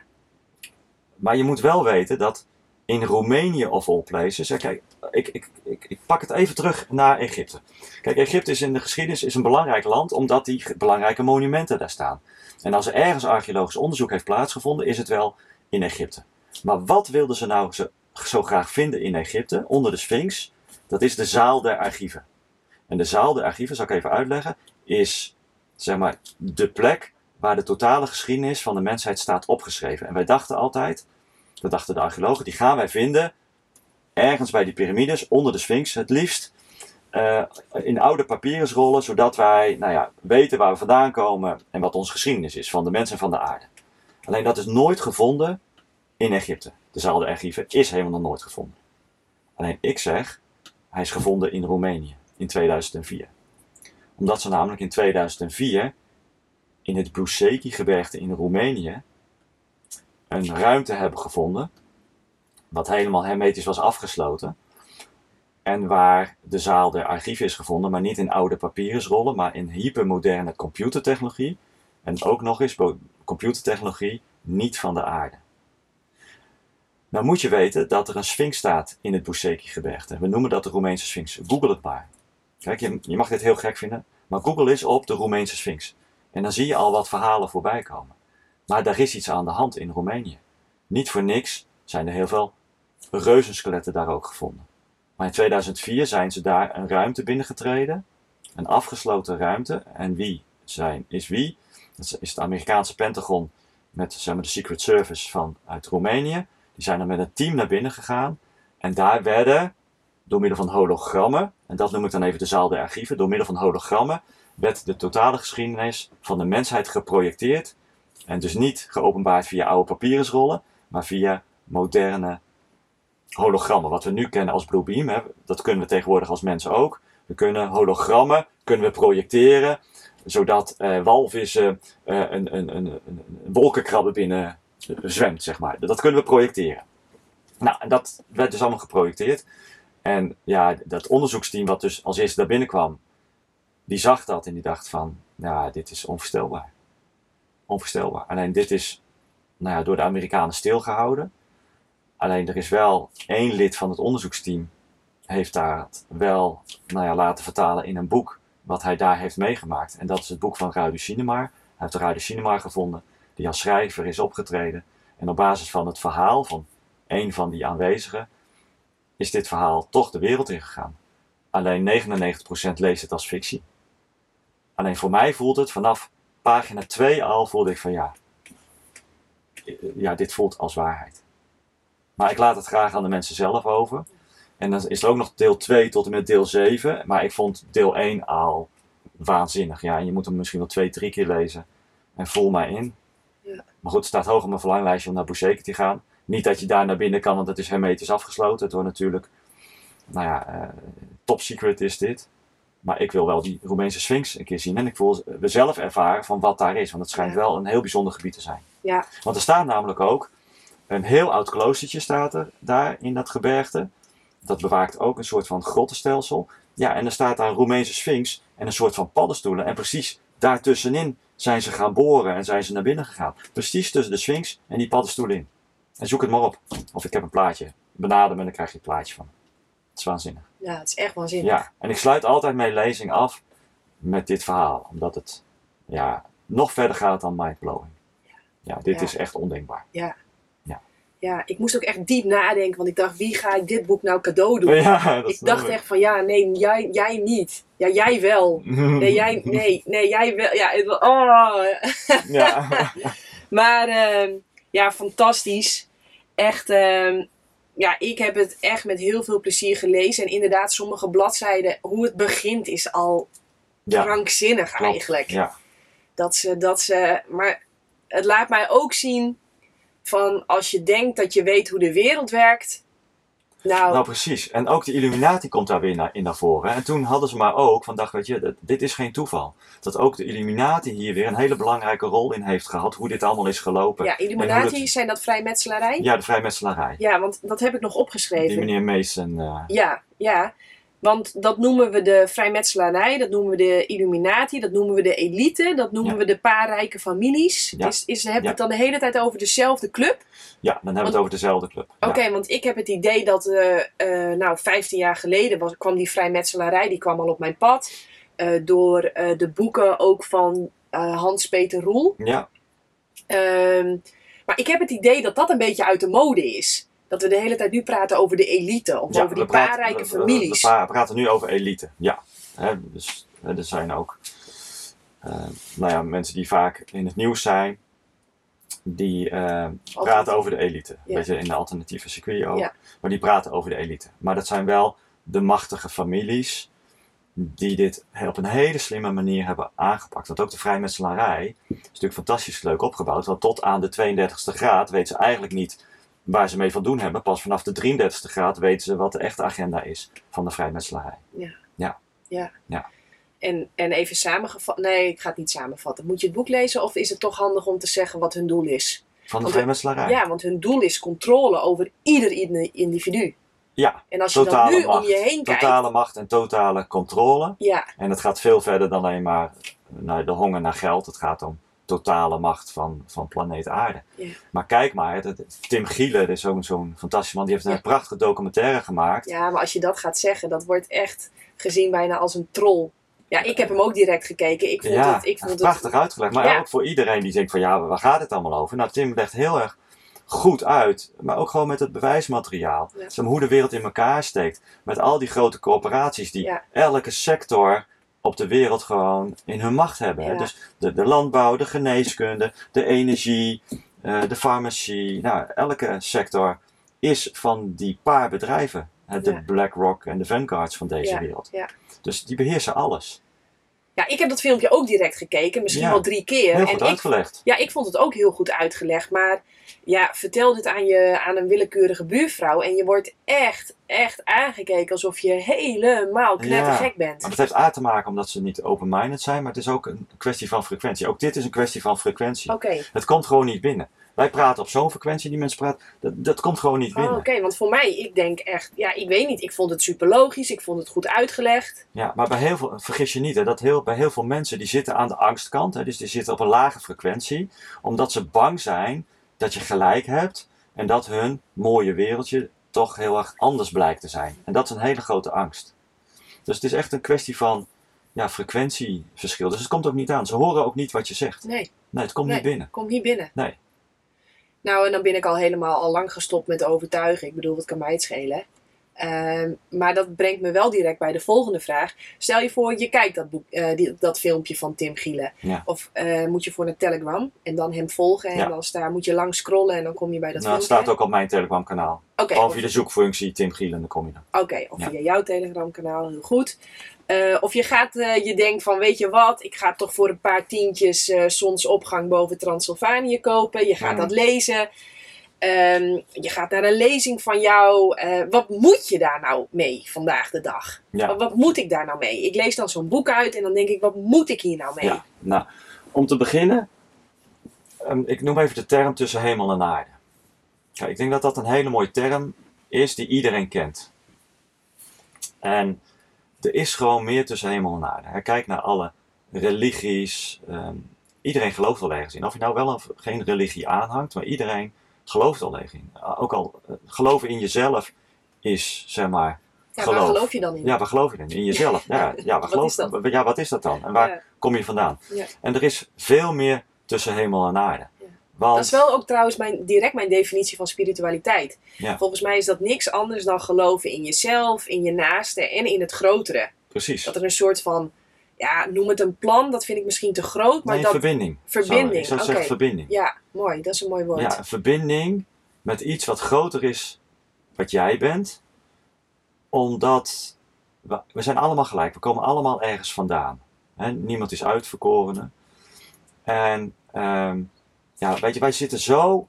Het is zo intelligent, weet je, hoe wij... Nou, ik noem het even in elkaar geknutseld, maar dat, dat doe ik het echt te kort mee. Maar hoe wij in elkaar zitten is zo intelligent. Als je alleen maar kijkt naar je immuunsysteem, hoe alles werkt tot op het kleinste nano en, en, en nog verder. Weet je, dat is echt briljant hoe dat allemaal. En het gaat bijna altijd goed. We zijn heel sterk. Maar dan moet je wel goed verzorgen. En dat onderwerp tussen hemel en aarde, dat is mijn, nou ja, ik wil niet zeggen roeping, maar wel mijn missie om mensen daar meer bekend mee te laten worden. Dus op heel laagdrempelige wijze mensen dingen te laten ervaren. Want je kan natuurlijk heel veel zenden, hè? je kan veel woorden gebruiken, boeken schrijven, lezingen geven, maar uiteindelijk gaat het om de ervaring. Dus ik vind het veel belangrijker dat mensen zelf gaan ervaren door eens een keer bijvoorbeeld mee te gaan naar een hunebed-excursie. Dat doe ik heel laagdrempelig tegen vrije gift achteraf, zodat ook iedereen dat kan ervaren. Om eens te kijken van, wat doet zo'n plek nou met je? En, en ik doe ook speciale hunebed-tours. Dus hè, als mensen op een gegeven moment meer willen, doen we speciale hunebed-tours. En op een gegeven moment krijg je vanzelf wel, nou ja, door de, mensen waarmee je in contact staat of via mij, dat je andere dingen krijgt, hè, wat je kan ervaren. Bijvoorbeeld eens een keer naar een plek te gaan, naar Sardinië of naar een Bosnië of naar Egypte. Of gewoon wat dichterbij huis. Want er zijn heel veel krachtplekken. We hebben 52 uh, megalithische krachtplekken alleen al in Nederland. Maar dan hebben we nog veel meer krachtplekken. En er staan dan wel geen hunebedden, maar we hebben nog veel meer krachtplekken. En kijk eens wat dat met je doet.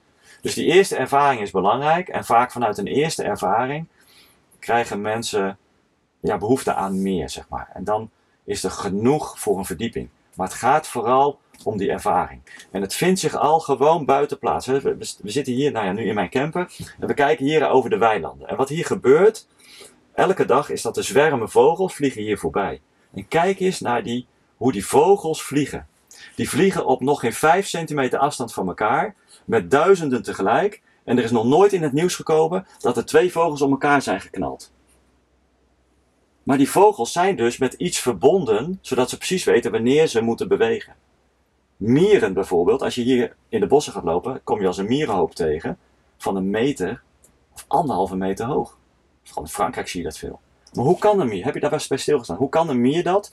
Die heeft geen hersenen, dus daar komt de intelligentie niet vandaan. Dus die kan dat alleen maar buiten zich krijgen. Dus een mier moet ergens op aangesloten zijn, op een bron, zoals wij ook zijn aangesloten, zodat hij precies weet hoe die een mierenhoop kan bouwen, die van binnen gewoon lekker 37 graden is en waar water niet kan binnenkomen. En dat doen ze met miljoenen mieren tegelijk. Dan, iets moet dat aansturen. Nou, als je daarover nadenkt, zijn wij ook op iets. Kijk, wij hebben dan wel hersenen, maar wij zijn ook op iets aangesloten waar we vandaan komen en waar we straks ook weer naartoe gaan. Ja. En dat is gewoon energie. En energie gaat niet dood. De energie kan nooit verloren gaan. Het verandert alleen qua vorm. Ja. Ja. en dat is denk ik het belangrijkste. En dan krijg je ook meer innerlijke rust. Want er is heel veel onrust bij mensen, ook van binnen. Van wie ben ik nou eigenlijk? Waar ga ik naartoe? Waar kom ik vandaan? Wat is er allemaal aan de hand in de wereld? Maar als jij terugkomt tot innerlijke rust. En dat jij in verbinding staat met je bron. In verbinding staat met wie je werkelijk bent. En in hele harmonieuze verbinding staat. Zoals wij nu. eh, met de mensen om je heen. Ja, dat, gaat, dat is ook ten goede van jouw gezondheid. Ja, en da- daar krijg je gewoon een leuke leven van. Ja, absoluut. Nou, en dat is denk ik Ja. de allerbelangrijkste boodschap die je kan geven Ja. vandaag. Ja, ik vind hem zo. Maar dit, die fascinatie, weet je wel. Dat is ook precies de reden waarom ik bijvoorbeeld tijdens de hele zwangerschap. Ik heb geen echo laten maken. Weet je, echt bemoeien er niet mee. Ja, er is zoiets magisch aan de gang. Ons, ons rust. denken is daar zo ongelooflijk veel te beperkt voor. Weet je, gewoon ontspannen, faciliteren en de rest gaat vanzelf. Ja. En, en, en al dat gebemoei en dat, Precies. dat zeker weten Ja. en dat eh, oeh en ah man, dat is alleen maar verstorend. Maar waar La- komt het vandaan? Dat is vanuit het wantrouwen en vanuit angst. Dus dat soort dingen is alleen maar eh, regelmatig een echo. Dat is alleen maar uit angst dat er iets zou kunnen gebeuren. Maar niet uit vertrouwen. Nou ja, weet je dat het wel goed gaat met het kind. En dat, dat, dat het zijn eigen weg wel weet te vinden. Dus alles is gebaseerd op een, tra- op een hele lage trillingsfrequentie van angst. Die je elke seconde van de dag op jou geprojecteerd wordt. Via de televisie, via de kranten, via de radio. Ja. We moeten eh, eh, bevolkingsonderzoek, we moeten dit. Hè. Je moet je, je genen laten testen. Want misschien heb je ook wel, net zoals Angelina Jolie, Ja. die breast cancer 1, kankergen en 2. En stel je voor dat je kanker krijgt en in de familie zit. Dus we worden continu, wordt die angst aangepraat. En je merkt al aan mijn, inter- ik, ik word daar soms ook wel, nou ja, ik word daar fel op. Want dat houdt de mensen namelijk in een lage energie. En wat krijg je? Datgene wat jij uitzendt, dat is ook wat je gaat krijgen. Want zo zit namelijk het universum in elkaar. Dat reageert namelijk op jouw trillingsfrequentie. Ja. En als jij de hele dag in diepste angsten, diepe frustratie, diepe verdriet, wat denk je wat je gaat krijgen? Schuld, dan ga je dat ook krijgen. Ja. En dit is echt van essentieel belang. Ja, Dat mensen dit zich gaan beseffen. ja, maar jij en ik, ik weet ook, eh, jij hebt ook een hele podcast gehad dat je lult over voeding. Ja, En, en, zeker. maar, en, en ik doe dat ook, hè? Ja, dat ik doe dat ook. Dat is ook belangrijk voeding. En dat is ook super belangrijk, maar knip eerst je navelstreng met de krant door, met Ja. je, flikker je televisie van Ja. 12 hoog naar beneden, gooi al die bullshit apps van je telefoon af. Eh, en, en, en oh man, want de hele dag nieuws kijken, journaal luisteren, het is echt vergif voor je lijf. Klopt. Tenzij je wakker bent. Dat Dat- is het humor. Nee, maar dan kan je de televisie weer binnenhalen. Dan kan je het nieuws weer zien, want dan komt het namelijk niet meer binnen. Dat Ja. merk ik aan mezelf, want ik wil wel zien hoe het spel gespeeld wordt. Want ik weet hoe het spel gespeeld wordt. Grotendeels. We weten ook nog heel veel niet, maar grotendeels weten we wel hoe het spel gespeeld wordt. Maar het komt bij mij niet meer binnen. Dus mijn energie gaat, ik geef mijn energie niet meer weg. Weet je, ik ga niet in die angst zitten. Dus ik kan er gewoon weer naar kijken. Maar ik heb ook heel lang niet meer gekeken. Nee, ik denk dat het voor zo'n afkikfase echt wel handig is om eventjes. eh, dat is net met iemand die verslaafd is geweest aan drank. Gewoon eerst even helemaal niet. En dan misschien af en toe met mate. Ja. Maar eh, gewoon eerst, ja, ik zou zeggen, gewoon echt even afkicken. Tot rust komen, tot jezelf komen. Ja. Even ervaren dat de aarde een super veilige plek is. Tenminste, zo ervaar ik het. Ja, ik ook. En, ja. en ja, dat. Dat je altijd veilig bent. Ja, Dat je, je moet daar zijn waar je mag zijn. En dat je veilig bent. Weet Ja. je? Dus ook dat is weer een innerlijk vertrouwen. Weet Ja. je? Dat, dat je wel veilig bent. Ja. Maar we moeten weer, ook weer leren om die signalen op te pikken. Want als ik een signaal, als, als ik een signaal krijg. Kijk, als mijn partner zegt, uit, we pakken niet dit vliegtuig of we gaan niet via deze weg. Dan kan ik aangewijs zijn. denk ik, nee, ja, we gaan daar, dat is veel sneller. Nee, dan luister ik daarna. Want het is een signaal van nee, we moeten nu via deze Ja, ja, moeten. ja. Dus ik ga daar nooit tegenin. Nee. En je krijgt, elke dag krijg je signalen. Soms heel groot, soms heel klein. Ja. Maar als je ze niet ziet, of niet oppakt, of negeert, ja, dan kan het fout gaan. Absoluut. Ja, Absoluut. ja. Ik heb, ik heb honderden voorbeelden dat ik dacht, ja nee, we gaan het toch even slimmer doen. Nou, je komt echt heel bedrogen uit. Ja. Ja, terwijl als ik er wel naar luister, eh, ja, dat is altijd goud. Ja. En dat gaat echt van beschermen tegen, tegen eh, eh, onheil, zeg maar. Mhm, zeker. Eh, en ook naar het, het toebrengen naar iets moois of iets, een geluksmoment of een prachtige synchroniciteit. Ja. Dat, ja, Ja, de meeste mensen kennen dat in het woord intuïtie. Hè? Ja. Dus intuïtie. vaar op je intuïtie. Hè? Je Ja. buik, we noemen dat het buikgevoel. Ja. En dan zeg je, ja, maar je moet ook je ratio gebruiken. Ja. Alleen we moeten daar balans in zien vinden. Er is niks mis met ratio. Maar in ons nou ja, moderne leven hebben we alleen maar ratio en doen we niks meer met die andere kant. Om, dat noemen we zeg maar spiriwiri en eh, weet je, eh, dat is gevaarlijk, weet je, daar krijg je gekke dingen van. Nee, dat is juist zo belangrijk, want die intuïtie komt namelijk vanuit je bron. Ja. Dus alleen maar vanuit verbinding Ja. met, de een noemt je hoger zelf, de andere met zich, het maakt niet uit hoe je het noemt, maar waar ja, dus ik noem het de bron van pure liefde. Dat is de allerhoogste energie die er heerst in de kosmos, waar wij allemaal vandaan komen. En als we daarmee geconnect zijn, dan krijg je die signalen. En aan jou of je er wel of niet iets mee doet. Dat Ja. is jouw Ja. Oh, ik wil hem aan de ene kant wil ik hem afsluiten. Ik vind zo'n mooi einde. Maar aan de andere kant denk ik, ja, ik zit hier nu met jou aan tafel. Want ik ben dan toch nog wel heel nieuwsgierig. Waarom denk jij dat mensen ziek worden? Wat is jouw visie daarop? Ja, uiteindelijk Uiteindelijk, ja, sla alles energie. Dus met andere woorden, als jouw cellen op een hoge frequentie blijven trillen, word jij niet ziek. Onmogelijk. Maar doordat wij ons belasten met slechte voeding, met gifstoffen, met angsten, met depressies, met verdriet, met frustraties, dus met trauma's en waar we niet uitkomen, met, eh, eh, eh, met emotionele blokkades, met een, een, een mentale slechte gesteldheid, hè, met negatieve kernovertuigingen. Dat zijn allemaal lagere energieën, wat ervoor zorgt dat onze cellen op lager niveau gaan trillen en dan worden wij ontvankelijk voor ziekte. Dus daar zit de crux. Ja. Alleen, ja, weet je, we leven eenmaal in deze maatschappij en er gebeurt heel veel, zeker in deze tijd. Ja, wie is er dan in staat om, zeg maar, op hoog niveau te kunnen blijven trillen? Nou, Hoe doe jij dat zelf? hoe ik dat doe, is ehm, als ik het niet zelf kan, dan zoek ik hulp. Nou, ik heb gelukkig een hele liefdevolle en fantastische partner die daar haar vak van heeft gemaakt. Dus ik ben heel gezegend met iemand die mij elke dag van advies eh, kan, eh, kan voorzien en nou ja, oefeningen voor me heeft. Maar het begint al dat je hier kennis van hebt. Hè, dat het leven zo in elkaar zit. En vervolgens is het een kwestie van: oké, maar wat kan ik dan zelf doen? Nou ja, en ik noem dat de heelal-techniek. Ik heb daar ooit een boekje over geschreven en ik ga hem binnenkort ook beschikbaar stellen op mijn Telegram-kanaal. Dus luisteraars, ga naar mijn Telegram-kanaal, dan zal ik het boekje het door van hart tot hart. En geef het alsjeblieft door, want daar geef ik dit soort inzichten mee. Dat het altijd gaat om het heelal-principe. En dat is een proces. Hè? Dus als ik last heb van bepaalde negatieve emoties, en er is niks mis met een negatieve emotie, maar wel als ik het langer volhoud dan drie weken. Dus als ik gefrustreerd blijf, in diep, diepe angsten zit of in verdriet zit, langer dan drie weken, dan moet ik daar iets mee. En dan, wat, dan noem ik het het heelal-principe en dan leg ik uit in het boekje. De H van herkennen, erkennen, evalueren, loslaten, accepteren. Oh nee, sorry, les leren, accepteren en loslaten. Ja. Dat zijn de stappen Mooi. die ik heb geleerd van Roy Martina lang geleden. Dankjewel nog, Roy, daarvoor. En als je die elke keer met alles wat jij meemaakt en wat er gebeurt in jouw leven toepast, dan zal je zien dat die emotionele blokkades geen blokkades meer worden, maar dan voel je het even en je kan het heel snel kan je, je les leren, accepteren en loslaten.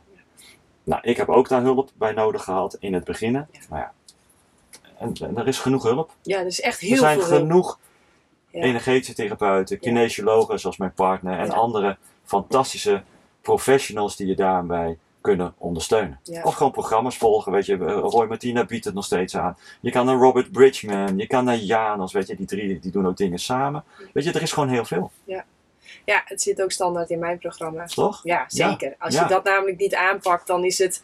Ja, Nee. dan kun je lullen tot je een ons weegt. Maar, Of gezond eh, eten tot ja, je, tot je een ons of tot een ons weegt. Ja. ja. maar daar ga je niet mee redden. Nee, je gaat het echt niet Nee, dat redden. ga je niet redden. Nee, voeding is echt een... Het is een belangrijk onderdeel, maar Ja. het is maar een klein onderdeel. Ja. ja. Absoluut. Mooi. Nou, ik ben toch blij dat je dit nog gedeeld hebt. Goed zo. Moeten we nog iets anders delen? Eh, nou ja, als mensen me willen volgen, dan kan dat eh, op mijn website staan al mijn socials. Het meeste communiceer ik via Telegram. Waarom ben via- jij eigenlijk van LinkedIn en alles? Ik ben af? eraf gegooid. Ja, waarom? Ja, oké, misschien is dat de afsluiter. Ehm, ik weet best wel wat van gezondheid en ik heb het, een bedrijf, het heet Ministerie voor Zelfzorg. En ik maak elke twee weken een prachtige, prachtige podcast. We gaan hierna een podcast met jou opnemen. Jij zit in mijn podcast ook. Dankjewel. Hartstikke leuk. Ja, en eh, niets is wat het lijkt dat het is. Ook niet in de geneeskunde en de farmacie. Ja, en ik maak daar podcast over. Ja, en dan word je wel eens van een kanaal afgegooid. Omdat je net een andere insteek hebt dan de reguliere westerse geneeskunde. En waarom is de olifant zo bang voor de muis? Want come on, ja, Art Pisa, ja, alle respect voor je hoor, maar... Ja, ik, ik werk samen met, met een expert. En die expert is professor Dr. Robert Gorter. En dat is een van de meest senior artsen ter wereld. De man is al, schrik niet, 50 jaar oncoloog, 50 jaar viroloog. Hij is al 40 jaar hoogleraar bij zes gerenommeerde universiteiten. Hij is inmiddels 75 jaar. Een van de meest senior artsen ter wereld als het gaat om op een natuurlijke manier jouw immuunsysteem te versterken. De man is briljant. En de man heeft 20 jaar lang een kliniek geleid voor niet-toxische kankerbehandelingen in Keulen. Dus deze man weet heel veel. Ja, en kan wat dat betreft wel een gevaar zijn voor de farmaceutische industrie. Ja, precies, want als wij, het, eh, als wij eh, weer gaan geloven in het zelfherstellend vermogen van ons lichaam, dan ligt er een businessmodel op de rug. Ja, en wat je allemaal zelf kan, door middel van, kijk, ik ben niet, even voor duidelijk, ik ben niet tegen de westerse geneeskunde. Ik ben voor integrale geneeskunde. Maar iedereen moet weten, ik heb daar een podcast over gemaakt, staat gewoon vrij toegankelijk op mijn eh, YouTube kanaal. Hoe is de we- westerse geneeskunde ontstaan? Als je dat eenmaal weet, Ja. dan snap je ook waarom in 1895 of vanaf 1895 de kruidengeneeskunde, de Ayurvedische geneeskunde, de Chinese geneeskunde, de homeopathie op een zijspoor is gezet. In Amerika ook zelfs verboden is geraakt. En dat er zo is gepoetst richting die westerse geneeskunde met haar farmaceutische industrie. Ja, dat is gewoon een goudmijn. Ja, Niets meer, niets minder. Nee. En een collega van mij heeft daar een fantastisch boek over geschreven. Wat eigenlijk, als je dit nog nooit gehoord hebt, zou moeten lezen. En dat is van, ehm, eh, het boek heet Dodelijke Leugens. Van Aart-Jan Breed. Zal dan een, een andere naam geschreven worden, maar die schiet me nu even niet te binnen. Maar hij heet Aart-Jan Breed. Maar het boek heet Dodelijke Leugens. Oh, hij heeft een, hij heeft een eh, artiestennaam moeten... Ja, ja, ja. maar inmiddels weet iedereen wel wie hij is, want hij treedt ook eh, op. Fantastisch man, heeft nu een tweede boek geschreven. Maar toen ik dat boek las, Dodelijke Leugens, toen dacht ik, wauw, zo zit dus de farmaceutische industrie in elkaar. Ja. En dat, dit is een van de meest briljante analisten ter wereld als het gaat om het uitpluizen van hoe het te werk gaat in de farmaceutische industrie. Maar hoe kijk je daarna? Want ik, zeg, ik hoor je zeggen van ja, ik ben eh, eh, voor eh, integrale geneeskunde. Ja. Ehm, dus denk jij dat het heel soms nuttig kan zijn om iemand die ziek is met chemo te gaan behandelen? Ehm, nou, soms heb je chemo nodig. Omdat het eh, zo ver eh, in, in stadium 4 is en dat, er, dat je zo snel moet handelen. Dus er zijn echt wel situaties je denkt, nu moeten we echt daarvoor, eh, daarna grijpen. Maar ik zit meer te denken aan chirurgische ingrepen. Kijk, we zijn best wel ver als het gaat om chirurgie. Dus als ik geopereerd moet worden, ja, dan heb ik niks aan een kinesioloog of een, eh, een, een, een, Chinese expert of Ayurvedische arts. Dan moet ik echt naar het ziekenhuis en dan heb ik een chirurg nodig als er iets gedaan moet worden. Maar als je moet herstellen na een chirurgische operatie, dan eh, moet je eigenlijk niet in het ziekenhuis zijn. Dan heb je namelijk een, eh, nou ja, een andere arts nodig, een Ayurvedische arts of een Chinese arts of een, een andere arts of therapeut, die je immuunsysteem op een natuurlijke manier gaat versterken. En dat weten ze in het ziekenhuis niet, want je krijgt de meest gore rotzooi al te eten in het ziekenhuis. Dus daar moet je eigenlijk niet zijn. Maar wel voor die ingreep. Heb ik dus, we kunnen al heel veel. En er zijn soms ook wel medicamenten die je nodig hebt. Weet je, antibiotica heeft toch wel heel veel mensenlevens gered. Alleen we zijn het nu veel te veel gaan geven. Eigenlijk too much. Ja, ja. Dat we resistent worden voor, tegen antibiotica. Ja. Dus daarom zeg ik integrale geneeskunde. Zeker aan de preventiekant moet je helemaal niet in het ziekenhuis zijn. Maar wel voor een aantal nou ja, waar we best wel ver in zijn. Weet je, een, een, een open hartoperatie. Ja, moet echt in het AMC of de UMC of het UMCG gebeuren. Ja. En daar lopen echt briljante doktoren rond. Ja. Ja, ik denk ook dat sommige ingrepen alleen al heel erg helpend kunnen zijn. Omdat mensen dan het, het, het, het gevoel hebben, het idee hebben. Ik ben er goed mee bezig. Ik ben er verantwoordelijk mee bezig. En nu kan ik ontspannen en tot rust komen. Nou, dat is volgens mij al zo belangrijk in je herstelproces. Ja. Dat je vertrouwen hebt in waar je mee bezig bent. Wat voor keuze dat dan ook maar is. Tenminste, dat zie ik. Ja, helemaal eens. Helemaal eens. Mooi. Nou, ga ik hem toch nog een keer proberen af te sluiten. Ja. Wat ik ergens ook jammer vind. Maar eh, we, gaan er, eh, we gaan er een einde aan breien. Heel erg dankjewel. Graag gedaan. Ja, ik, ehm, ja, ik vind het, ik weet niet. Het is voor mij echt ehm, heel waardevol geweest. Ik weet niet, toch even weer een hakbijl in die bevroren zee van je. Dat je toch, dat er weer een heel nieuw boek over gaat. Letterlijk en figuurlijk. Dus daarvoor heel veel dankjewel. En eh, jij ook heel erg bedankt voor het luisteren. Je hebt zelfs misschien wel gekeken. Vind je dit gaaf? Deel het volop op je social media. Je mag ook naar jannekevandermeulen.nl gaan en dan zoeken naar de knop doneren. En dan eh, zeg ik ja, tot de volgende keer. Doei! Wil jij ook op een supergezonde, verantwoorde manier meer plantaardig eten? Lees dan het nieuwste boek De Eiwitleugen. Mijn naam is Janneke van der Meulen. In 2019 werd ik voor het eerst wereldkampioen kustroeien en in 2021 werd ik moeder. Allemaal op een dieet van voornamelijk fruit en planten. Want weet je wat het leuke is? Jij hoeft niet dezelfde fouten te maken als dat ik heb gemaakt. Wil jij ook het allerbeste voor jezelf, de dieren en de aarde? Ga dan naar jannekevandermeulen.nl slash boeken.